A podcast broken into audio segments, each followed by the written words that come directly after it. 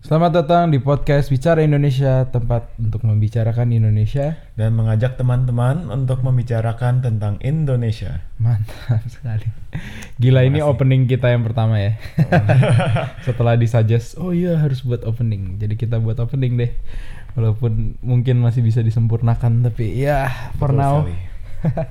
Oke, cringe banget ya. Ya, ya oke lah, tapi ya it's our first work anyway. Iya, iya. Oke deh. Jadi eh, di podcast kali ini kita mau membicarakan soal isu yang paling hangat selama satu minggu terakhir, I guess. Iya, lumayan. Jadi ya apalagi kalau bukan RKUHP, rancangan eh, Kitab Undang-Undang Hukum Pidana. Hukum pidana. betul. Iya, jadi apa pun yang dipidanakan ya pokoknya Mm-mm. eh, kelakuan un- yang patut dipidanakan lah. Oke deh. Jadi eh, gila sih belakangan ini eh, dari demonstrasi-demonstrasi yang terjadi di Indonesia. Nah, menurut lu gimana nih demo-demo ini? Wah, jujur gue at one point kayak gue agak salut sama mahasiswa-mahasiswa karena aksinya bukan cuma aksi di satu kota saja, yaitu ada di kota-kota seperti Surabaya, Bandung. Secara konsep ide mahasiswa turun ke jalan untuk memberikan pendapatnya emang dari dulu it's sangat Indo sih, bahkan dari tahun 65, tahun 99 Hah. It's- itu mahasiswa memang dari dulu kan sebagai penggerak gitu kan.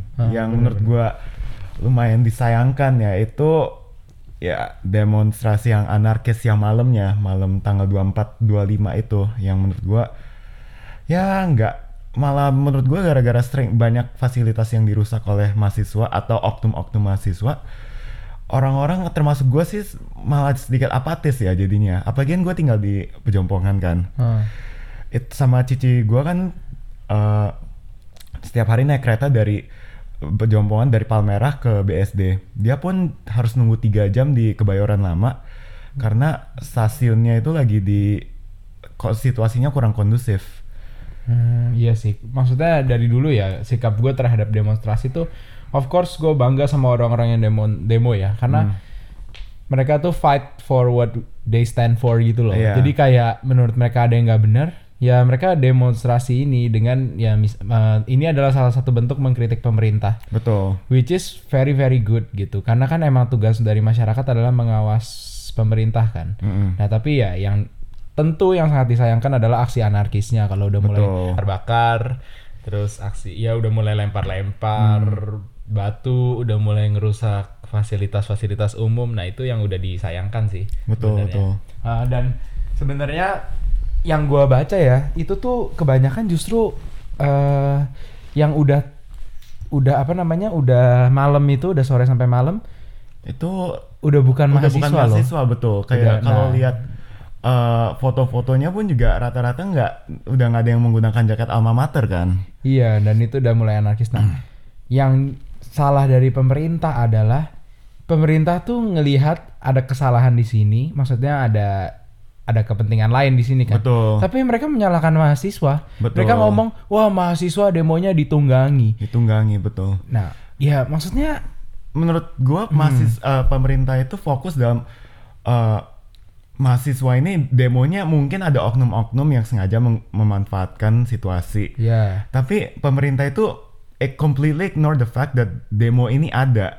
Terlepas Iya. ada yang menunggangi atau enggak, ini mahasiswa-mahasiswa Indonesia yang sedang mencoba untuk menyampaikan aspirasinya sebagai eh, kepada perwakilannya di DPR atau DPRD, betul. Heeh. Jadi pemerintah tuh gagal melihat substansinya, malah menyerang balik dengan ngomong ditunggangi atau Hmm. ya ada isu-isu seperti itu. Padahal seharusnya pemerintah ngelihat gitu apa yang mahasiswa ini coba katakan, substansinya apa dan masalah ditunggangi biar itu masalah aparat kepolisian yang Betul. ngurus lah gitu. Kan Heeh. aparat kepolisian juga udah ngelihat udah ada video-video, ada foto-foto juga orang-orang yang dituduh provokasi. Jadi Betul. ya seharusnya fokusnya pemerintah harus ke sana sih menurut gua. Dan mungkin me- eh, selagi kita lagi membicarakan tentang aparat kepolisian, saya rasa kepolisian itu seharusnya dapat bertindak sedikit eh, persuasif, bukannya represif. Hmm, ya. Eh, kan di Kalimantan, eh, di Sulawesi Tenggara juga ada penembakan Eh, maksudnya ad- mungkin ti- kita tidak tahu siapa yang menembak, tapi ketika ada demonstrasi ada dua mahasiswa yang tertembak dan akhirnya meninggal. Ya. Dan buntut dari itu semua, Kapolda Sultra Sulawesi Tenggara, Kapolda Sultra. ya Sultra namanya emang Sulawesi. emang Iya, disingkatnya Sultra. Sultra, Sultra. Oh gila, bukannya Sult. Oh Sulteng, Sulteng Tengah. Iya, Sulut itu Sulawesi Utara. Oke, Oke, oke. Ka- eh, Kapolda Sulawesi Tenggara, Kapolda Riau dan Kapolda Papua pun dicopot dari jabatannya masing-masing. Waduh. Buntut iya. dari mungkin apa ya gejolak gejolak hal-hal inilah yang terjadi dalam seminggu dua minggu yang belakangan ini.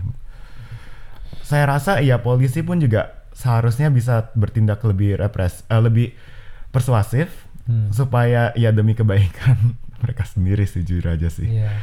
Ya mungkin ya kita juga nggak bisa 100% salahin polisinya Betul. soalnya kita nggak tahu kondisinya di Kondisinya sana. ya Siapa tahu memang em, memang keadaannya, Keadaannya, genting ya. dan ya, ya memang mem- ada yang provokasinya parah Hmm, gitu. dan Mem- ya Nah, eh cuma tuh gue sempet denger eh, podcast juga dan omongannya Panji Pragiwaksono kan. hmm, Dia tuh ngomong dari zaman dulu dia eh, Panji masih ak- jadi aktivis, banyak mahasiswa tuh juga yang yang sengaja mancing-mancing polisi tau gak sih? Yang Betul, kayak, betul. "Woi, kayak pukul gue, pukul gue, bisa nggak tahu gue ya ngomongnya apa sih? mungkin ya lebih Iya, kayak gitu. sebenarnya iya kayak oknum-oknum ini yang malah memprovokasi diri sendiri Nah, gitu loh. provokasi terus pas beneran sama polisi, polisi kan kesel kan? Hmm. Dipukul nih. Tapi pukulnya mungkin nggak tahu ya ke arah self defense atau emang beneran atau pukul karena kesel cuma gitu. dorong gitu Atau cuma dorong. Nah, terus nanti mahasiswa kayak, "Wah, gila nih polisi pukul gua." Nah, terus kayak ada temen yang ngerekam lah apa, tapi ngerekamnya sebagian doang jadi kayak di Di-cut, sebarinnya. iya. jadi Iya. jadi bias kan seakan-akan polisi 100% represif walaupun belum tentu hal itu kenyataan di lapangan seperti itu Tapi ya pokoknya kami berdua menolak aksi kekerasan dari pihak mahasiswa maupun pihak, Pihak polisi. polisi. Ya, Wah. maksudnya pihak demonstran ya nggak harus mahasiswa. Oke deh. Nah, Tapi eh, sorry, gua motong ya. Tapi kayak speaking of which, kayak gua kemarin ngomong kan sama orang-orang ya teman-teman gua di sini kan. Hmm. Dan yang gua kadang agak salut atau mungkin agak heran, bukan heran juga lah, kagum mungkin kesadaran poli, kesadaran terhadap hal-hal seperti ini, RU, KUHP dan KPK, saya rasa lebih tinggi daripada dibandingkan kayak dua tahun yang lalu. Kayak banyak teman-teman gua bilang kayak, oh nggak tahu mungkin ini cuma omdo atau mungkin ini mereka di actually minute tapi kayak oh kalau gue di Indo mungkin gue bakal ikut gitu loh. Iya. mungkin itu menunjukkan kesadaran politik anak-anak sekarang pun juga berbeda lah mungkin daripada kakak-kakak kelasnya atau bagaimanapun lah. Especially di Sydney yang gue bisa ngomong di sini ya. Ya menurut gue sih karena kita udah jadi dewasa aja sih kita semakin peduli sama Indonesia karena kita semakin dewasa dan kita semakin mengerti. Dulu kita mungkin nggak ngerti jadi makanya kita bersikap dalam tanda kutip apatis atau tidak peduli acuh tak acuh. Tapi sekarang karena kita udah mulai lebih dewasa kita eh, mulai mengerti juga isu-isu seperti ini Hmm. Makanya kita mulai berani speak up sih menurut Betul. gue di sisi situ juga Iya, kayak saya rasa kayak aku gua rasa kayak saya lagi ya ampun. Gua rasa kayak sekarang kita lebih ngerti komplikasi terhadap undang-undang yang dibuat oleh pemerintah dan DPR terhadap hidup kita sehari-hari. Jadi kita bisa lebih apply sama lebih ya yang kayak lu bilang kayak bisa lebih simpatis lah. Nah. Dan semenjak kayaknya ya semenjak Joko Presiden Joko Widodo naik, kita juga kayak semakin mengawal pemerintahan, semakin semangat mengawal pemerintahan. Betul. Nah, ya oke deh. Hmm. Nah, kita kembali ke topik utama ya. Jadi masalah substansinya sendiri nih yang diprotes RKUHP. Nah, tentu pasti gue yakin teman-teman yang dengerin podcast ini udah did a little bit research, I guess, Research about ke it, yeah. RKUHP soalnya rame banget kan. Dan kan banyak nih pasal yang nggak yang nggak disukain masyarakat Hmm. gitu. Nah, apa menurut lo pasal yang paling dalam tanda kutip ridiculous gitu? ah menurut gua yang karena ini ada ada pasal ini gua masih menurut gua pasal penghinaan presiden, wakil presiden dan berbagai lembaga pemerintahan. Karena di pasal itu tidak terlalu dijelaskan maksudnya Penghinaan, penghinaan itu itu apa. Ah. Itu sesuatu yang menurut gua lumayan subjektif bahkan dan bisa disalahgunakan oleh kedua belah pihak eh, Betul. lembaga pemerintahan ataupun pihak-pihak yang ingin menghina bapak presiden, wakil presiden yang dan lain-lain. apa? Menurut gua itu Nah, nah ya ada one, at one point mu- mungkin kayak lu pernah denger lah pendapat gue tentang KUHP. Gue itu tidak bukannya nggak setuju revisi itu, tapi lebih ke arah, ke arah urgensi hal tersebut gitu Hmm. loh. Kalau menurut lu sendiri apa pasal yang mungkin nggak nggak cocok sama lu Gue atau tanggepin lu dulu ya. ya Jadi kalau kita lihat originnya dari RKUHP itu RKUHP eh, ada 127 tahun lalu dari zaman Belanda. dari kan. Bela- zaman Belanda betul. Ah, jadi actually dari zaman penjajahan dari zaman Belanda ini orang-orang yang nyusun nih RKUHP orang-orang Belanda. Jadi hukum pidana ini atau ya mungkin buat orang Belandanya sendiri ya dan buat orang Indonesia yang saat itu dijajah. Betul. Dan setelah itu terus berlanjut sampai sekarang. Dan ya Indonesia juga sempat ngadain eh, beberapa revisi, tapi mungkin yang tercatat dalam sejarah ini revisi paling gede ya. Revisi yang paling besar, iya paling dengan pasal yang paling banyak. Oke, Betul. dengan pasal yang paling banyak gitu. Dan ya memang dari beberapa pihak emang ngomong sih, wah RKUHP ini udah usang gitu. Ya emang harus udah perlu diganti soalnya udah beberapa pasal kurang relevan gitu loh. Cuma ya melihat adanya ini semua polemik ini dan juga udah baca revisinya menurut gua kayak nggak nggak bisa dibilang 100% salah. 100% bener, nggak bisa dibilang 100% Iya, betul. salah juga gitu Iya. menanggapi soal yang lu ngomong. Jadi itu tuh katanya dulu ada waktu e- era Orde Baru Hmm. dan sering dalam tanda kutip disalahgunakan oleh pemerintahan Orde Baru. Iya. Karena orang yang mengkritik sedikit dibilang menghina masuk ke dalam pasal itu dipidana. Iya, Kayak betul. gitu. Hmm. Nah, maka itu sejak reformasi tahun 9899 itu tuh dihapuskan pasal itu. Soalnya ya udah kita udah demokrasi, udah reformasi, buat apa ada pasal itu lagi gitu. Pasal itu pada tahun ini di revisi kali ini dimunculkan kembali gitu loh. Hmm. Nah, oke kalau ngelihat dari kata demi katanya ya memang rancu gitu. Penghinaan tuh maksudnya apa gitu. Iya. Nah, tapi kalau misalnya kita dengarkan penjelasan dari Menteri Hukum dan HAM kita Yasona Lauli, gue sih dengarnya di acara ILC ya. Iya.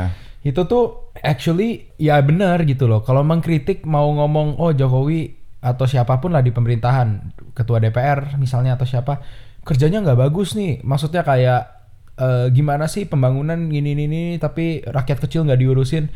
Things like that itu tuh disebutnya tidak menghina kalau menurut penjelasan dari Iya. Menkumham kita. Cuma kalau udah ngomongin tentang kemanusiaan ya, maksudnya kayak Personal. apa ya martabatnya gitu loh Iya. kayak wah kebun binatang udah keluar misalnya hal-hal kayak gitu yang bener-bener nggak ada substansinya emang tujuannya menghina nah itu yang kena gitu tapi ya sekali lagi nah sebenarnya gue udah langsung masuk ke area yang lebih deep nih jadi kesalahan pemerintah sekarang tuh bukan masalah revisi undang-undangnya karena banyak yang di pers itu cuma dikasih satu pasal doang. Eh satu ayat doang bahkan dari pasal itu satu ayat doang. Jadi menimbulkan kesalahpahaman di masyarakat. Betul, betul. nah sebenarnya itu kegagalannya menurut gue bukan di revisinya tapi kegagalannya itu di komunikasi di cara pemerintahnya. pemerin pem- pemerintahan untuk menyampaikan revisi-revisi Iya, ini kepada masyarakat. Itu Betul. kegagalannya dan itu yang perlu dibenahi gitu loh. Dan masyarakat menurut gua masyarakat juga ada salahnya di mana masyarakat itu terlalu cepat bereaksi. Hmm, gampang gampang termakan omongan lah. Iya, uh, walaupun memang oh kalau nggak setuju jelas boleh dong nggak setuju. Cuma banyak hal tuh yang nggak setujunya karena belum baca full atau belum tahu isi fullnya apa atau juga belum tahu makna dari kata-kata itunya apa gitu. Iya, gue rasa itu mungkin ini hal yang sangat Indo sih kayak Hmm. kebanyakan orang rata-rata kemakan omongan dulu tanpa Hmm. baca dari awal sampai akhir kayak oh mungkin kalau misalnya udah selesai baca pasal-pasal tersebut dari awal sampai akhir terus kayak masih ngerasa oh gua nggak setuju nih sama ini ayat nah itu hak mereka masing-masing tapi kalau misalnya menentukan pendapat berdasarkan hanya bahkan satu kalimat atau sat- satu penggalan dari ayat itu menurut gua itu lumayan misdirected lah kasarnya mungkin Ya. Dan ya, gue ambil contoh aja deh. Pasal tentang aborsi. Betul gue nggak sebut nomornya, gue nggak tahu. Tapi ya, pokoknya ada pasal tentang aborsi. Di situ dituliskan pada ayat satunya siapa pun tidak boleh melakukan tindak aborsi atau encourage orang untuk melakukan tindak aborsi. Hmm. Basically gitu kan. Terus atau bisa kena pidana gitu. Nah, tapi yang masyarakat nggak tahu adalah ada pengecualian terhadap korban pemerkosaan gitu loh. Makanya orang-orang tuh nggak lihat itunya. Dan dulu aborsi itu bahkan sebelum ada pasal ini ya, aborsi itu Ilegal, 12 kan? tahun, illegal, Hmm, iya. pidana 12 tahun penjara loh.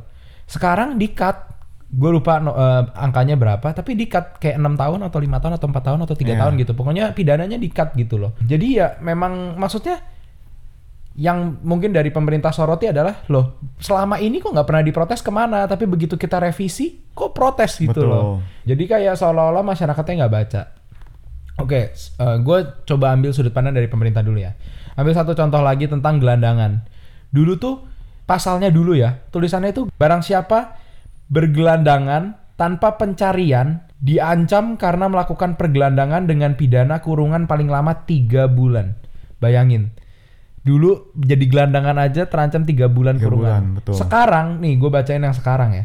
Setiap orang maksudnya revisi bukan yang sekarang kan revisinya anyway eh, ditolak Bit- eh, eh, lagi ditunda. ditunda enggak enggak tapi eh, Bambang Susatyo udah ngomong revisinya sampai tanggal 30 nggak bakal dibahas lagi. Iya, iya. Jadi mungkin PR ke DPR selanjutnya mau diapain. Tapi oke anyways gue bacain ya. Setiap orang yang bergelandangan di jalan atau di tempat umum yang mengganggu ketertiban umum dipidana dengan pidana denda paling banyak kategori 1 which is kategori 1 itu sebesar 1 juta. Jadi di sini diperjelas dengan mengganggu ketertiban umum gitu loh. Jadi kalau zaman dulu bergela- bergelandangan aja salah, kalau sekarang mengganggu ketertiban umum. umum. Jadi gelandangan yang mengganggu ketertiban umum itu yang salah Betul. gitu ya tapi mungkin harus lebih dispesifikasi sih ketertiban Iya. umumnya maksudnya apa dan orang lihat kayak hah ya satu juta mana bisa sih gelandangan bayar satu juta? gitu. Nah tapi yang masyarakat nggak tahu itu adalah satu juta ini bisa dibayar dengan kerja sosial. Jadi kayak misalnya mungkin ya jadi kayak tukang bersih bersih sampah atau tukang apalah yang lain gitu bisa bisa dibayar dengan itu gitu loh. Nah se- actually menurut gua kalau kalau cuma pasal yang gelandangan ini ya ini actually kayak bagus gitu loh. Soalnya eh, sekarang lebih diperjelas dengan mengganggu ketertiban umum dan dibikin kerja sosial hukumannya instead of kurungan tiga bulan Jadi tidak terlalu ambigu. Iya, jadi ya memang beberapa pasal mungkin harus ada yang diperjelas, tapi kayak pasal yang gelandangan ini tuh eh, menurut gua malah jadi bagus dan tapi me- menimbulkan polemik di masyarakat gitu yang membingungkannya. Mungkin karena emang orang nggak baca full atau orang cuma baca dari yang tahun ini punya nggak baca yang sudah ada yang currently working yang ada tuh apa gitu. Iya betul betul. Eh, Oke, tadi lu tanya gua pasal yang paling menurut gua paling aneh ya. Paling aneh? Nah, menurut gue juga sebenarnya penghinaan presiden sih karena kurang diperjelas gitu loh. Ya, kayak contoh mungkin apa? kayak menghina fisik atau apa mungkin supaya diperjelas oleh pemerintah dan kepada orang-orang yang mungkin ingin mengkritik kalau kita ini mengkritik kinerja pemerintah sebagai sebagai pemerintah bukan kinerja personal orang tersebut. Hmm, ya.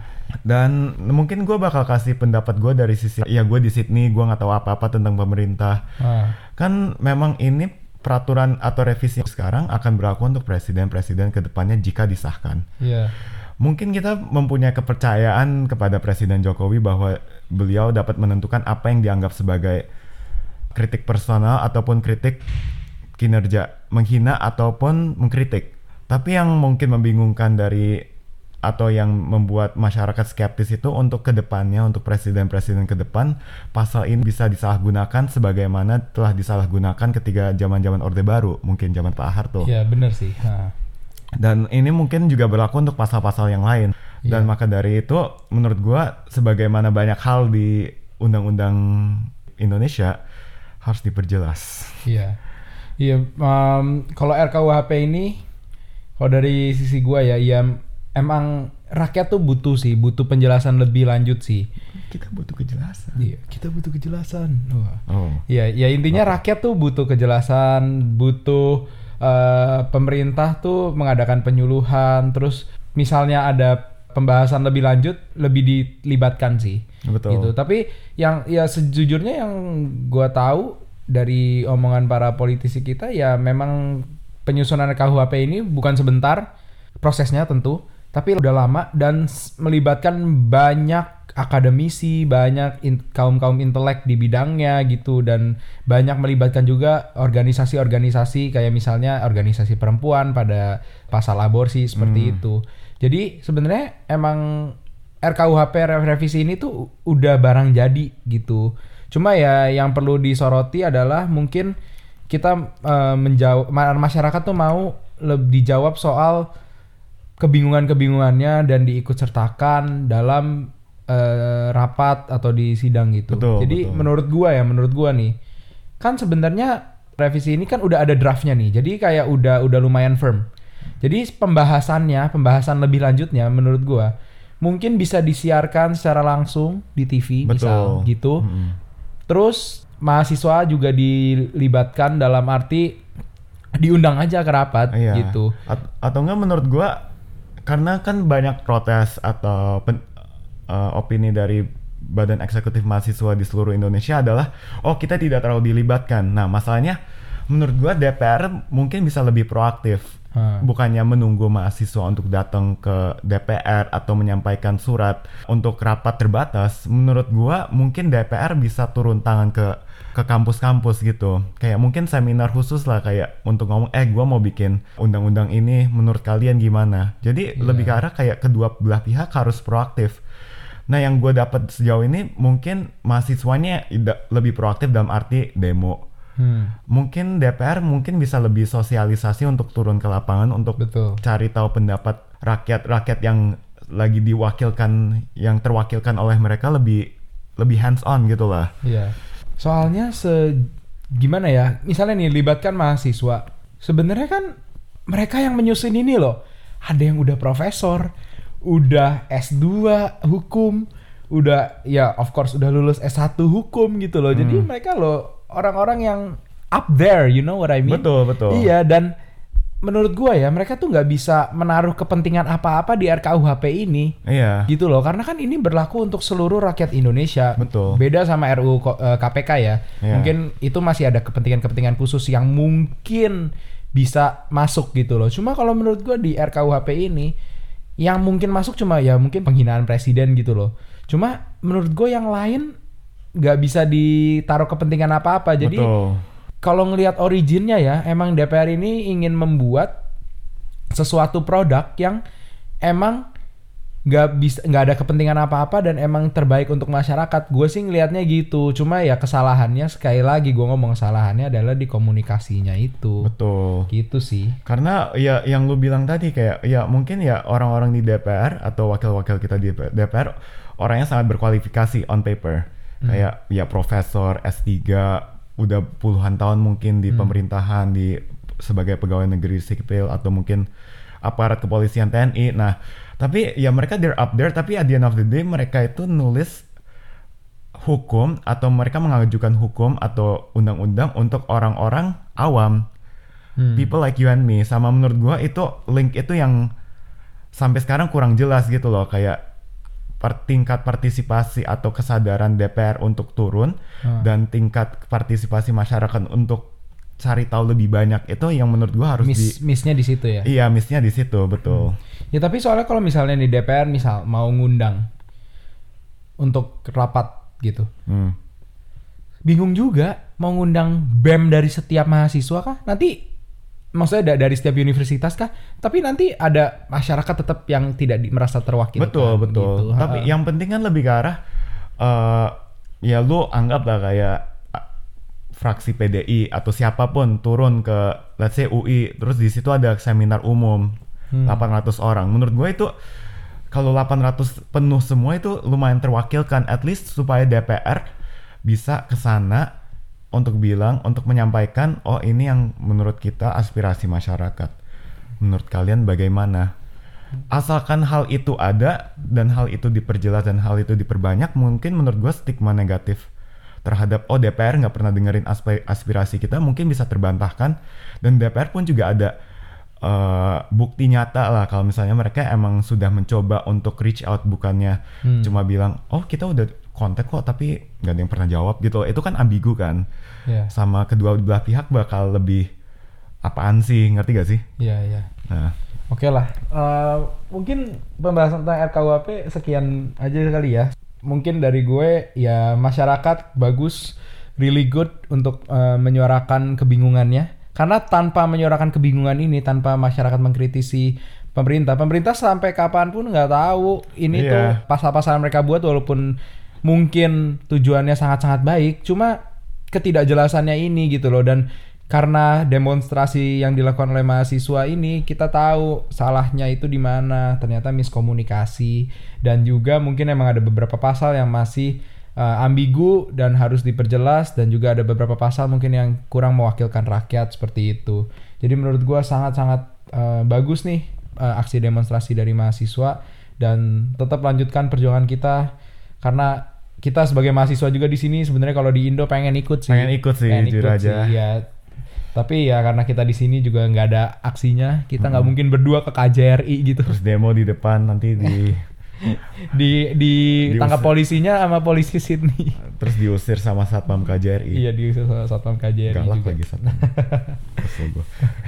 Iya jadi gimana Eh, closing statement dari lu? Eh, ya sebenarnya gua sebagai penduduk pejompongan yang sebenarnya lumayan deket sangat deket bahkan sama DPR hanya mengharapkan kalau aspirasi menyampaikan aspirasi di DPR itu mungkin that's an Indo that's a very Indo thing to do. Tapi ketika mulai aksi-aksi anarkis itu mulai keluar mulai ditunggangi mungkin atau ada masyarakat yang mulai kasarnya pengen cari ribut lah. Itu yang menurut gua ya a regrettable thing to do sih. Karena Hmm. kayak jujur mengganggu ketertiban masyarakat. Jadi apa ya harus ganti rugi.